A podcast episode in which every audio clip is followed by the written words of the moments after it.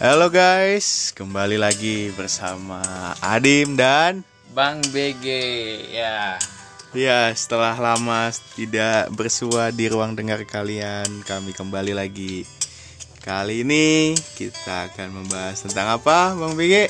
Wah, kali ini kita berbicara tentang asmara. Wih, menarik nih.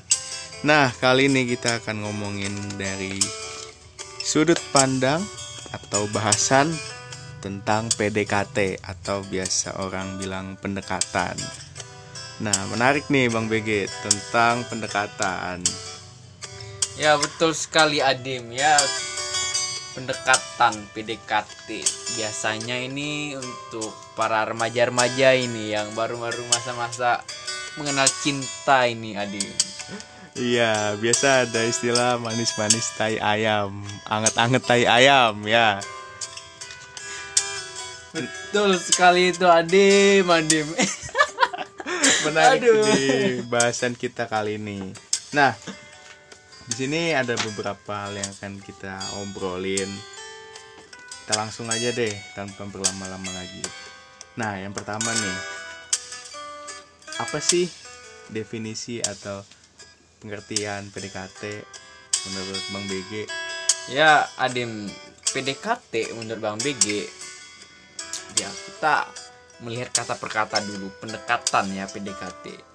Nah, kalau dari Bang BG pendekatan itu itu ketika lawan jenis itu saling ada rasa cinta atau suka ini dengan lawan jenisnya. Contohnya aku misalnya cowok sedang suka nih sama cewek itu. Dan biasanya ini pendekatan ini nih banyak motifnya. Contohnya modus. Untuk cowok-cowok itu biasanya modus-modus itu ah dekat cewek itu. Selain itu pendekatan itu awalnya berteman. Eh lama-lama jadi cinta. Begitu adim pendekatan itu. Banyak hal sebenarnya adim. Iya iya ya nih kalau menurut gua sendiri PDKT itu dari katanya pendekatan. Nah tapi di sini bisa jadi salah arti karena pendekatannya ke arah mana. Kalau menurut gua sendiri pendekatan yang gua maksud di sini adalah kita mendekati lawan jenis itu emang niat untuk suatu hubungan. Tapi kadang salah-salah misalnya orang yang menangkap itu maksudnya gini jadi misalnya gua nih deketin cewek dalam artian bukan PDKT untuk ke hubungan yang lebih serius.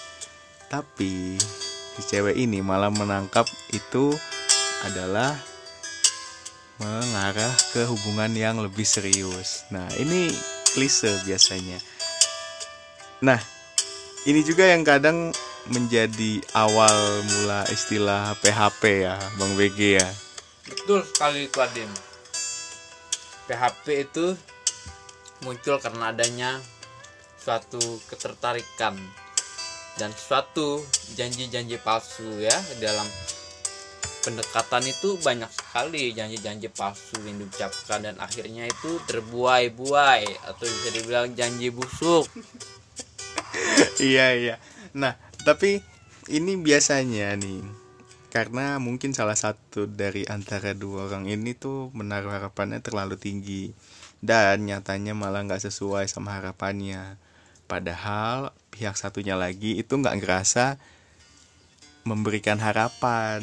Jadi bisa jadi definisi ini PHP ini bertepuk sebelah tangan. Padahal apa ya si cowok misalnya dia tidak bermaksud memberikan harapan tapi malah si cewek menangkapnya cowok ini memberikan harapan. Terus si cewek sudah berharap eh tidak sesuai dengan harapan nah malah si cewek ini menganggap cowok ini malah PHP ini yang menjadi dilema sebenarnya ini yang salah cowoknya atau ceweknya ini? Ya kalau menurut gua sih dari sudut bang BG nggak ada yang salah sih karena di masa-masa pendekatan itu atau di masa kita mengenal satu satu lain dengan lawan jenis itu hal yang wajar. Cuma bagaimana sikap kita lagi? Kita udah bisa belum menerima itu? Ketika misalnya kita di diberi harapan yang kurang tepat misalnya di PHP-in atau misalnya si cewek itu baper itu sebenarnya kan kembali ke diri kita lagi. Jadi di masa-masa seperti itu ya kita harus siap sih jangan hanya ibaratnya manis-manisnya doang kayak angkat-angkat ayam itu Tuh. Nah, iya iya. Tapi yang aneh di sini ada juga malah kadang kedua-duanya merasakan hal yang sama. Tapi malah-malah kedua-duanya tidak melanjutkan ke arah atau hubungan yang lebih serius. Karena mungkin satu dua dua lain hal. Nah, kalau yang kayak gini nih, ini yang lebih dilema. Jadi, dua-duanya merasa di PHP-in dan pada kenyataannya memang itu adalah harapan palsu. Tetapi dua-duanya berpikir bahwa ah kondisinya nggak mungkin. Nah kalau ini ini gue setuju. Kalau misalnya ini dibilang sebagai pemberi harapan palsu. Kayak udah tahu nggak bakal bisa ke mana-mana nggak bisa lanjut tapi dia masih memberikan harapan seakan-akan kita akan melangkah ke hubungan yang lebih serius. Nah ngomong-ngomong soal PDKT lagi nih. Cerita dong gimana pengalaman Bang BG nih PDKT PDKT ya yang terkenang lah mungkin.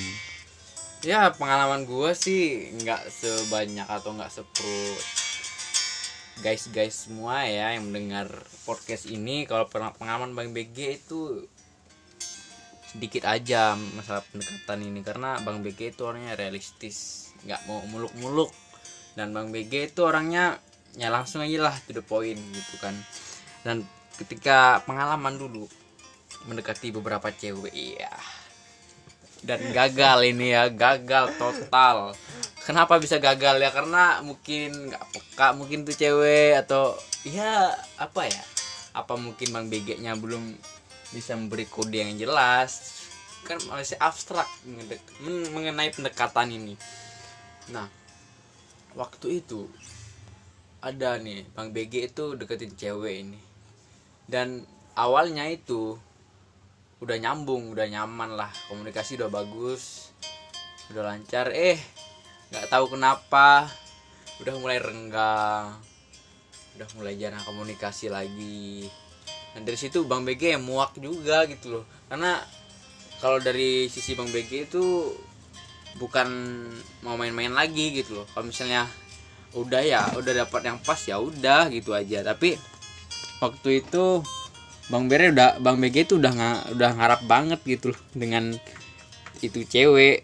Ternyata ya nggak jelas itu pendekatannya. Benar tadi yang dibilang si Adim itu mungkin gua yang di kena PHP atau memang gue yang baperan gitu loh mengenai cara pendekatan ini. Itu sih pengalaman- gue dan selebihnya gue biasa-biasa aja karena teman-teman gue juga banyak yang cewek sih.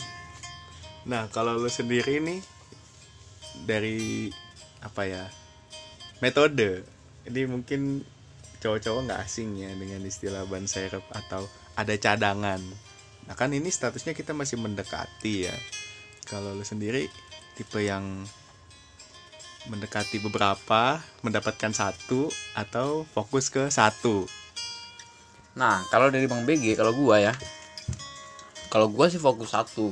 Misalnya gua nih udah punya, misalnya udah punya target, gua nih suka sama si A. Ya udah gua pepet.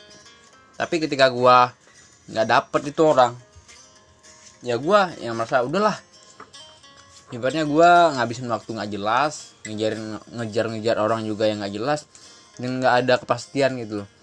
Kenapa dibilang nggak ada kepastian? Karena nggak ada respon yang menunjukkan dia itu ada feedbacknya ke gua gitu loh gitu sih jadi lama-lama kelamaan juga gua muak juga ya udahlah sekarang ngalir aja yang misalnya ada ya yuk kita berteman dulu kita lihat sisi baik dan buruknya kita dulu kalau dari gua. Karena gue tuh bukan tipe orang yang mau bertele-tele gitu. Kalau misalnya suka ya ya tapi nggak mungkin juga gue langsung bilang gue suka sama lu kan konyol gitu. Karena kan kita nggak tahu itu sisi si A atau si, si cewek itu gimana. Jadi ya masih perlu kayak kode-kodean seperti itulah. Gitu sih dim kalau gue jadi fokus satu aja dulu iya iya. Beda ya kalau gua kalau gue sendiri. Ya kita realistis aja lah. Kalau kita hanya berharap pada satu itu kemungkinannya kecil. Jadi kita jadi kalau gue sendiri gue tipenya berteman dulu sama banyak cewek. Nah kalau sudah mau serius mengarah kepada satu nah baru deh difokusin ke satu. Tapi ini juga apa ya bisa dibilang kemungkinannya kecil kan pertama. Ya gue juga mengakui kalau gue hanyalah cowok biasa yang ya mungkin juga karena ini jadi nggak banyak cewek yang mau. Nah tapi juga di satu sisi semakin banyak teman mungkin ada kemungkinan yang teman kita ini ternyata juga cocok atau klik sama kita itu kita nggak tahu. Nah maka dari itu kalau saran dari gue sih bertemanlah dengan banyak teman yang lawan jenis supaya peluangnya terbuka semakin besar.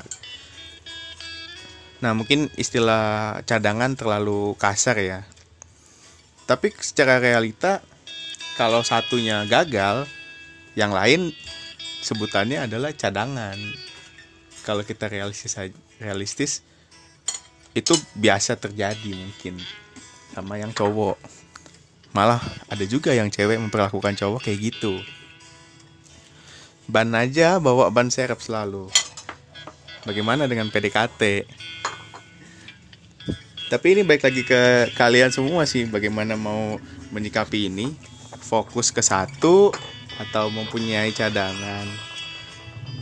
Nah tapi ini menarik juga nih sebenarnya apa sih yang kalau kita kan dari sudut pandang cowok sebenarnya apa sih yang cowok mau dari pendekatan ini?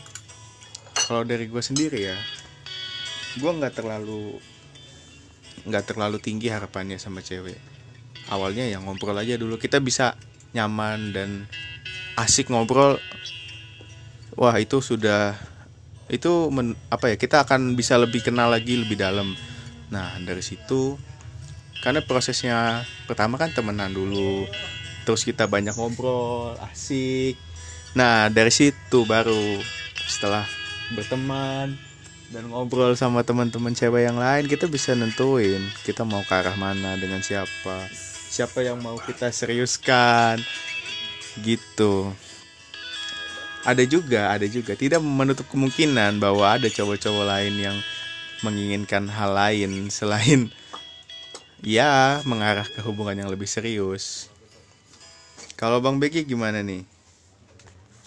Ya kalau dari Bang BG itu apa harapan yang pengen Bang BG ketika pendekatannya itu keseriusan ya. Karena Bang BG ini kalau namanya udah deketin orang itu berarti udah tanda-tanda itu ada kelanjutannya nih lagi nih ada episode ada ada cerita yang panjang lagi nih jadi kalau misalnya pendekatan yang dimaksud Bang BG ini ini udah arah ke serius. Beda ketika Bang BG ke, pendekatan hanya berteman aja gitu. Ibaratnya hanya kenal teman jadi teman ngobrol teman sharing itu beda dengan teman yang benar-benar akan menjadikan suatu hal yang spesial dalam kehidupan Bang BG jadi harapan Bang, BG kalau misalnya melakukan pendekatan tuh ya lumayan tinggi sih harapannya. Karena Bang BG juga ya manusiawi sih. Kalau misalnya cowok itu pasti perlu yang namanya teman untuk ngobrol gitu. Teman untuk cerita teman untuk berbagi kisah gitu kan sharing tentang masalah keseharian. Pasti ada ngerasa sepi gitu loh gitu sih kalau dari bang BG. Iya iya. Ini berbeda ya. Ada yang serius ada yang masih santai aja dulu. Nah tapi dari sini kita bisa ngelihat nih. Mungkin cewek lebih peka ya kalau melihat maksud dan tujuan cowok. Tapi ini yang menjadi kritik bahwa jangan langsung menilai cowok. Ah ini mah cowok langsung. Ini mah niat apa? Modus nih. Ini mah PDKT karena kita nggak tahu sebenarnya yang cowok itu lakukan itu niatnya apa. Lebih baik kalau kita ya ngobrol aja dulu kita berteman supaya kita bisa lebih tahu. Nah dari situ kalau kita udah sama-sama tahu dan sama-sama ngerti kita bisa tahu mau ke mana arahnya mau ke mana atau mungkin kita temenan aja. Nah ini nih dari apa yang udah kita lalui lah ya walaupun pengalamannya nggak seberapa ada nggak saran atau masukan nih untuk yang mau mulai PDKT atau yang ya ada yang mungkin baru mulai ada yang sudah pernah juga? Gue punya saran nih untuk yang baru mau mulai atau memang sudah pernah setelah sekian lama belum PDKT lagi mulailah dengan ngobrol. Kenal lebih dekat itu kita bisa tahu dari apa yang kita ungkapkan. Jadi ya ajak aja ngobrol. Bagus lagi kita punya satu hobi kesamaan. Nah dari situ kita akan banyak kenal sama orang yang mau kita deketin. Karena kita bisa tahu dia secara langsung itu dengan kita ngobrol langsung. Tapi kalau menurut gua soal chat atau lewat media sosial itu kurang efektif sih. Minimalnya ya telepon PC tapi lebih lebih kerasa itu kalau kita ngobrol langsung. Supaya kita bener-bener ngelihat dia bener-bener langsung interaksinya. Nah juga untuk ya kalau ada yang baru mau mulai saran gue sih jangan terlalu berharap banyak deh. Karena dengan kita berharap banyak kita juga ya kemungkinan kecewa lebih besar. Jadi santai aja sambil ngobrol wah ternyata dia responnya enak nih ngobrolnya asik. Nah dari situ baru kalian bisa mulai. Langkah selanjutnya apa nih? Setelah ngobrol biasanya sering-sering lah kalian berkegiatan bareng. Entah itu kalian punya satu hobi atau misalnya satu satu komunitas. Nah kalian bisa masuk dari situ jadi kalian lebih kenal tahu siapa aja nih teman-temannya lingkungan pergaulannya Nah, dari situ kalian bisa lebih kenal dia. Karena dengan tahu temennya, lingkungan sosialnya, kalian punya gambaran, oh ternyata orang yang mau gue deketin ini kayak gini nih. Bisa jadi ancang-ancang juga nih.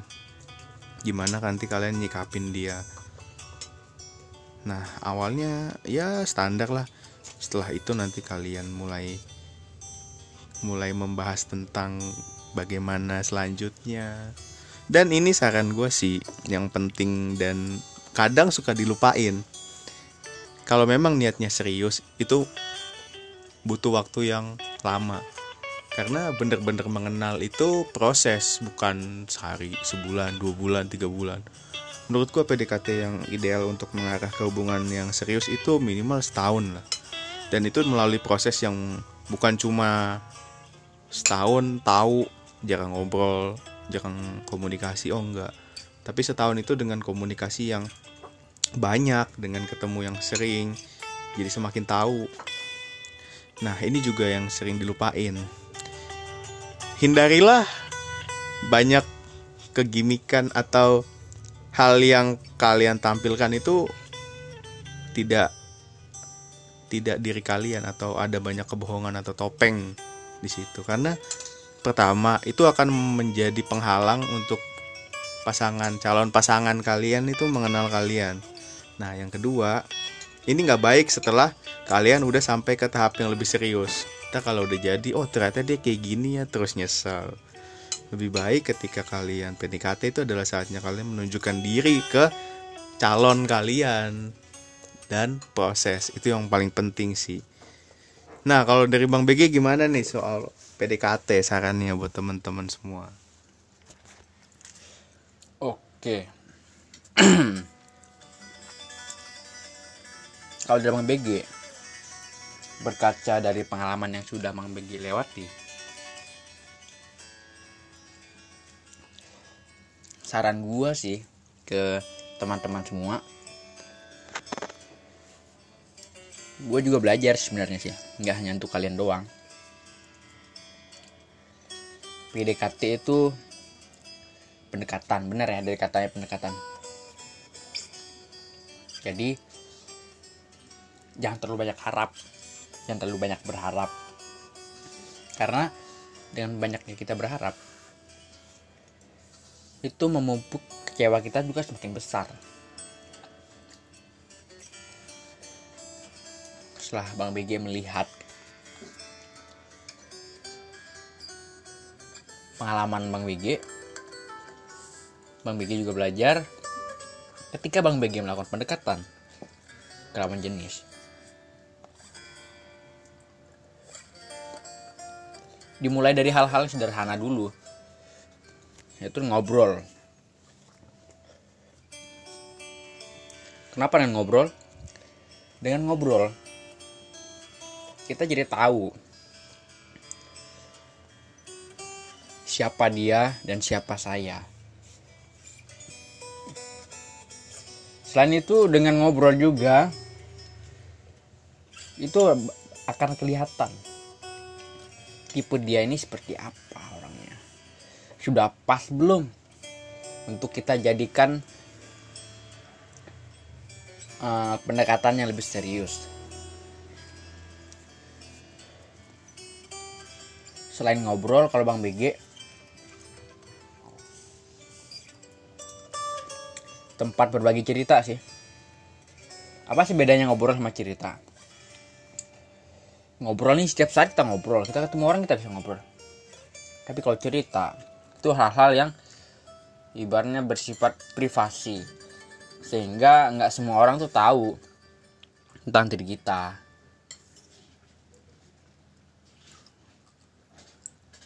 dari situ juga kita bisa tahu karakter dia ini seperti apa. Kendala dia seperti apa. Kita bisa saling motivasi di situ. Nah buat kalian yang masih dalam masa-masa pendekatan banyakin ngobrol agar kalian itu bisa tahu satu sama lain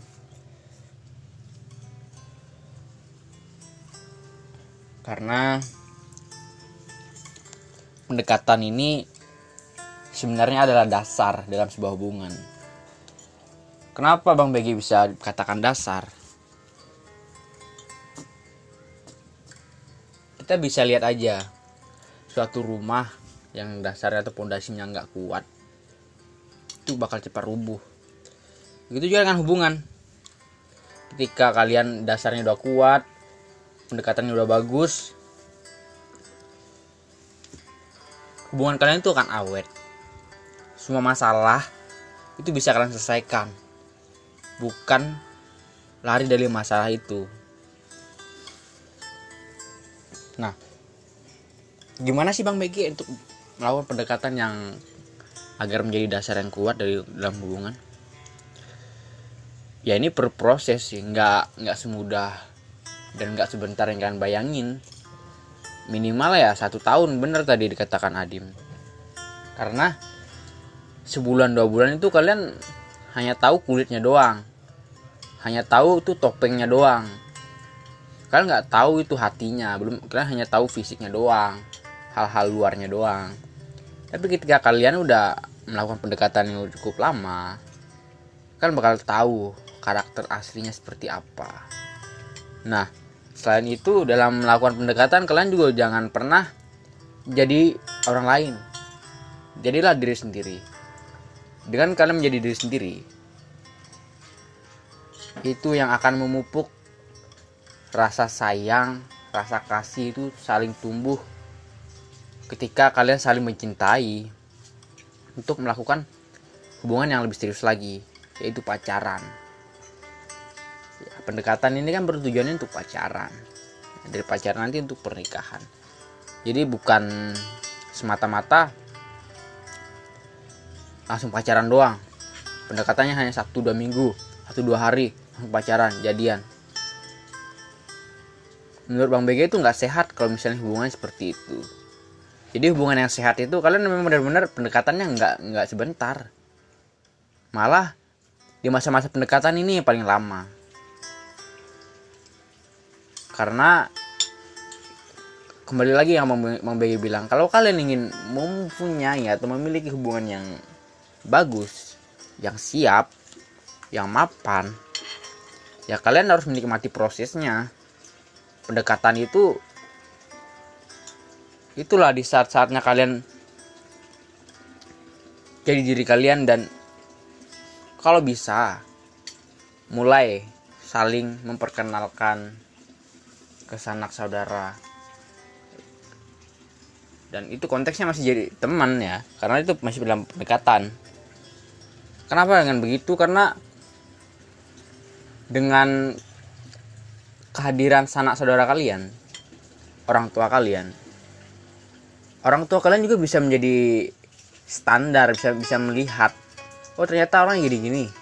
Nah ketika kalian ingin menjalin hubungan yang lebih lagi nanti kalian bisa bertanya pendapat mereka opini mereka. Gimana nih tentang si A? Gimana tentang si B? Cocok nggak sih sama gua? Cocok nggak kalau misalnya gua pacaran untuk nikah? Nah ini dilema juga saat ini. Kebanyakan orang itu hanya jalin hubungan ibaratnya hanya bermain-main seperti mainan. Wah ketemu nih bagus main dimainin udah bosan. Udahlah nggak mau main lagi. Tinggal ganti yang baru. Itu apa? Ini dalam suatu hubungan tuh bukan hal percobaan ya. Kenapa bukan hal percobaan? Karena ini masalahnya dengan hati. Kalau kalian tahu dan hati ini berkaitan dengan jiwa. Kalau kalian sakit fisik jatuh luka atau apa kalian datang ke dokter itu 2-3 hari seminggu udah sembuh. Kalau lu sakit hati dikecewain ketika lu bener-bener cinta sama dia lu datang ke psikolog itu nggak langsung sembuh. Bertahun-tahun juga lu. Nggak semudah yang lu bayangin. Mutusin orang move on nggak nggak mudah. Dan itu dan itu akan menjadi luka mungkin kalian bisa move dengan menemukan hal yang baru. Tetapi itu akan tersimpan dalam memori kalian. Bahkan itu bisa jadi cikal bakal perbandingan untuk pasangan kalian kelak. Ketika kalian udah punya mantan ketika kalian berhubungan dan gagal otomatis jadi mantan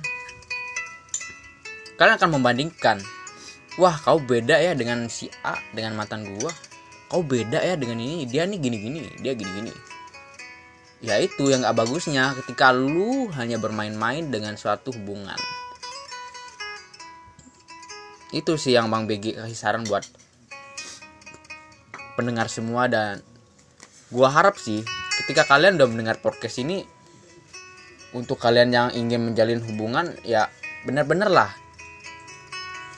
Jangan main-main. Dan bagi kalian yang sudah tenggelam atau kalian sudah terlanjur basah udah menjalin hubungan tapi pendekatannya kurang ya di masa-masa itulah kalian perbaiki cara pandang kalian. Dan ketika kalian merasa kurang pas kurang cocok kalian juga harus membicarakan dengan baik-baik. Dalam hubungan itu jangan sampai kalian saling melukai saling memberikan atau memberikan bekas luka.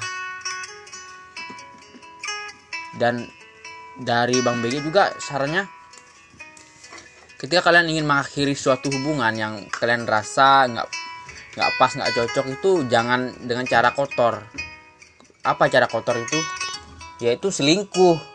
Kalian tahu hubungan itu bukan benda ya yang kalian bisa misalnya cari cadangannya lagi. Kalau saran Bang BG itu ya selesain baik-baik kelarin baik-baik. Kalau bisa kalian berteman ya gimana caranya berteman? Ya itu kalian ngomong baik-baik. Jangan tiba-tiba mutus tanpa sebab eh nggak taunya seminggu atau dua minggu sehari dua hari udah punya gebetan baru. Ya itu bisa dibilang brengsek itu orang. Nggak punya otak. Kenapa nggak punya otak? Karena dia nggak mikir hati yang dia tinggalin itu. Yang dia hanya pikir hatinya dia doang gitu setiap orang tuh setiap orang tuh punya rasa rasa sakit juga walaupun dia bisa menerima. Dan berhati-hatilah dengan hati. Karena semua yang kita lakukan ini berawal dari hati kita juga. Seperti itu Adim. Kalau dari Bang BG jadi saran dari gua kalian siaplah dalam menjalin hubungan. Pendekatan itu kalian harus siap. Jangan pernah main-main ya. Bukan bukan barang mainan juga itu. Bukan barang eksperimen. Wah, gila. Sampai nangis gue dengerinnya tapi ini bagus nih. Ini mungkin bukan suara dari mulut ya dari hati ini. Dari pengalaman kita cerita kita apa yang kita alami. Nah gue ngambil simpulannya bahwa PDKT itu adalah dasar dalam memulai hubungan. Dan komunikasi itu adalah jalannya. Untuk itu dua hal itu adalah sangat penting. Kalau memang mengarah ke lebih serius. Nah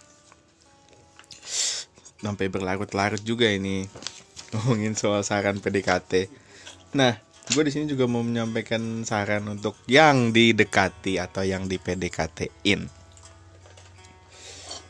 janganlah terlalu berharap. Kalian boleh menilai kalian boleh berharap tapi jangan membuat itu menjadi beban atau mempengaruhi ke orang yang padahal baru mau mulai dan kalian nggak tahu sebenarnya dia itu niatnya apa? Intinya adalah ya jalanin aja dulu. Dan kurangi untuk menilai atau menghakimi. Karena dari cara kalian menilai dan menghakimi itu bisa membuat yang akan mendekati kalian awalnya itu niatnya malah nggak jadi. Pertama mungkin aduh. Ilfil. Kedua bisa jadi sebenarnya dia emang niatnya nggak serius tapi kalian menganggap serius. Jadi ah ini kayaknya nggak asik orangnya. Tidak cocok. Nah bener juga tadi yang dibilang bang BG ini bukan barang mainan. Tapi mungkin kalau gue lebih santai menyikapinya PDKT adalah kebebasan. Kayaknya diatur juga di undang-undang kebebasan berserikat. Mungkin ini menurut gue salah satu bagiannya. PDKT adalah salah satu bentuk berserikat. Jadi kalian boleh bebas mau mendekati siapa niatnya apa. Selama kalian ini bisa menyikapinya dengan bijak dan ya cukup dewasa lah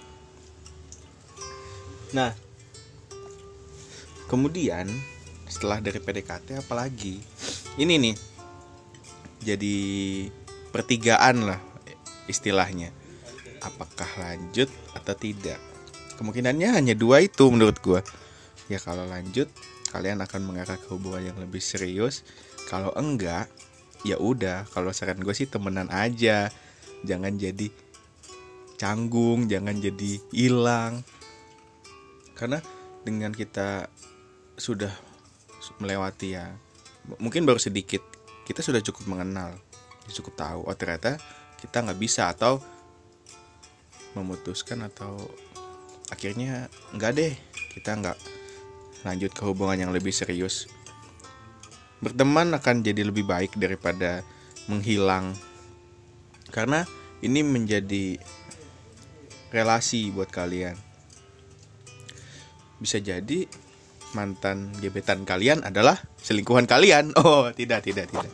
Bisa jadi itu adalah jalan atau membuka peluang lain misalnya di bidang bisnis kalian ternyata dulu teman kalian atau gebetan kalian itu punya passion yang sama terus kalian bisa memulai bisnis berdua atau kita nggak pernah tahu ternyata kita ditempatkan di suatu perusahaan dan dia adalah partner, partner kerja kita. Kita nggak pernah tahu. Oleh karena itu baik-baiklah menyikapi mantan gebetan kalian. Ya mungkin ini bahasa awamnya teman lah. Karena mungkin ada salah-salah apa sikap atau mungkin perilaku yang buat ya nggak suka atau mungkin jadinya nggak nyaman tapi lebih baik kalau dimaafkan dan kalian jadi berteman jika memang tidak melanjutkan ke hubungan yang lebih serius. Nah kalau menurut Bang BG setelah PDKT apalagi? Kalau dari Bang BG ya. Setelah PDKT ngapain? Ini ada dua jalan. Ibarat ini pasti persimpangan ya. Kalau dari Bang BG ketika kalian udah berteman lama tapi kalian salah satu ada yang suka dan salah satu lagi itu memang nggak ada memupuk rasa suka hanya menanamkan sebagai teman. Ketika ingin diajak ke hal yang lebih serius atau hubungan lebih serius ya ngomong baik-baik aja. Dan jangan hilang kontak ibarat hilang komunikasi. Jangan karena itu menjadi teman itu kita nggak tahu ke depannya harus gimana. Bisa jadi kalian yang awal yang nggak nggak punya rasa suka satu sama lain suatu ketika itu memang jodoh kalian gitu loh. Jadi ketika kalian ada salah satu yang tidak tidak mau atau memang tidak bisa melanjutkan ke jenjang berikutnya ya udah nggak apa-apa jadi teman aja tapi kalau misalnya udah bisa udah mau dua-duanya lanjut ya berarti kalian hebat. Tapi yang sering terjadi ini kadang-kadang tanda tanya juga. Entah si cowok maupun si cewek. Karena perasaan suka itu memang sulit diketahui kalau misalnya nggak ada tindakan gitu ya. Ibaratnya kodenya nggak keras. Tapi jangan konyol juga dan kalau misalnya dari sisi kalian ada yang benar-benar nggak suka diajak menjalani hubungan seperti teman ya kalian nolaknya cerdas lah. Maksudnya cerdas ya komunikasi kalian harus bagus. Karena gue bilang dengan komunikasi yang bagus sesuatu yang berat sesuatu yang besar itu bakal terselesaikan dan itu nggak bakal terjadi kesalahpahaman. Kebanyakan gini ketika ada si cowok deketin si ceweknya awalnya war responnya bagus. Ketika udah beberapa minggu komunikasi semakin kurang makin kurang. Si ceweknya makin malas. Ya sebenarnya si cowok juga nggak nggak berharap tapi ya ketika kalian sama-sama ibaratnya single yang namanya pengen punya teman cerita itu pastilah. Tapi kalau respon kali dengan cara kalian merespon nggak bagus itu menurut gua itu suatu sikap yang kurang baik. Karena itu menjadi tanda tanya ini orang udah punya gebetan atau ini orang nggak suka atau gimana? Kan jadinya orang berasumsi tentang kalian gitu. Tapi ketika kalian bilang kalian mulai omongan dulu maksud dan tujuannya itu ada apa sih kok gini tumben gini kalau misalnya langsung tujuannya itu udah disampaikan dengan jelas dan lu juga udah udah tahu tapi lu nggak setuju ya bilang aja gitu. Dan sisi lain si cowok atau yang mendekati ini juga harus siap juga. Dia udah berani mendekat ya. Ketika keputusan yang didekatinya memang nggak setuju dengan atau nggak sesuai dengan dia ya jangan ngambek ibaratnya jangan langsung jadikan musuh gitu loh jadikan aja teman gitu sih kalau dari gua Mantap nih Bang BG. Nah, kita sampai di akhir. Kesimpulan tentang PDKT. Kalau menurut gua, PDKT adalah dasar dalam memulai hubungan yang serius. Dan ngobrol adalah jalannya. Dan saran gua untuk semua yang mau mulai PDKT, berlatihlah skill ngobrol. Ngobrol ini bukan cuma sekedar ngomong, tapi kalian bisa mendengarkan dan memahami lawan bicara kalian. Nah, kemudian inti dari PDKT itu adalah proses dan keterbukaan. Nah, dari Bang BG gimana nih kesimpulannya tentang PDKT? kalau gua ya PDKT itu menjalin relasi karena menurut gua PDKT ini nggak harus menjadi seorang pacar menambah teman juga bisa jadi nggak usah terlalu dalam kalau kalian belum siap itu sih gua jadi PDKT menurut gua menambah relasi Oke, setelah kita simpulkan tentang PDKT, ya begitulah sudut pandang kami tentang PDKT atau pendekatan. Thank you buat kalian yang masih setia mendengarkan kami. Oh iya, untuk saran dan masukan. Setiap kali podcast ini naik Adim akan share di Twitter di Agustinus Dim at Agustinus Dim kalian bisa follow dan kalian juga bisa kasih komen kasih masukan. Nah cukup dari kami tentang PDKT gua Bang BG dan gua Adim we are shining out. Bye